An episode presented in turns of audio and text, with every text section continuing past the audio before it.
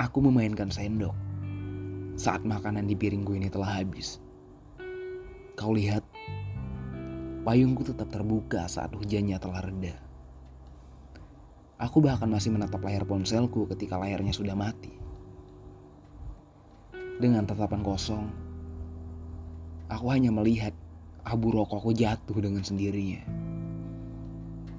Dan kau bertanya, apakah aku baik-baik saja?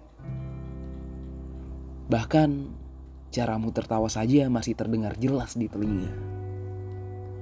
Bagaimana bisa kamu masih bertanya saat semuanya sudah jelas bahwa aku sedang tidak baik-baik saja?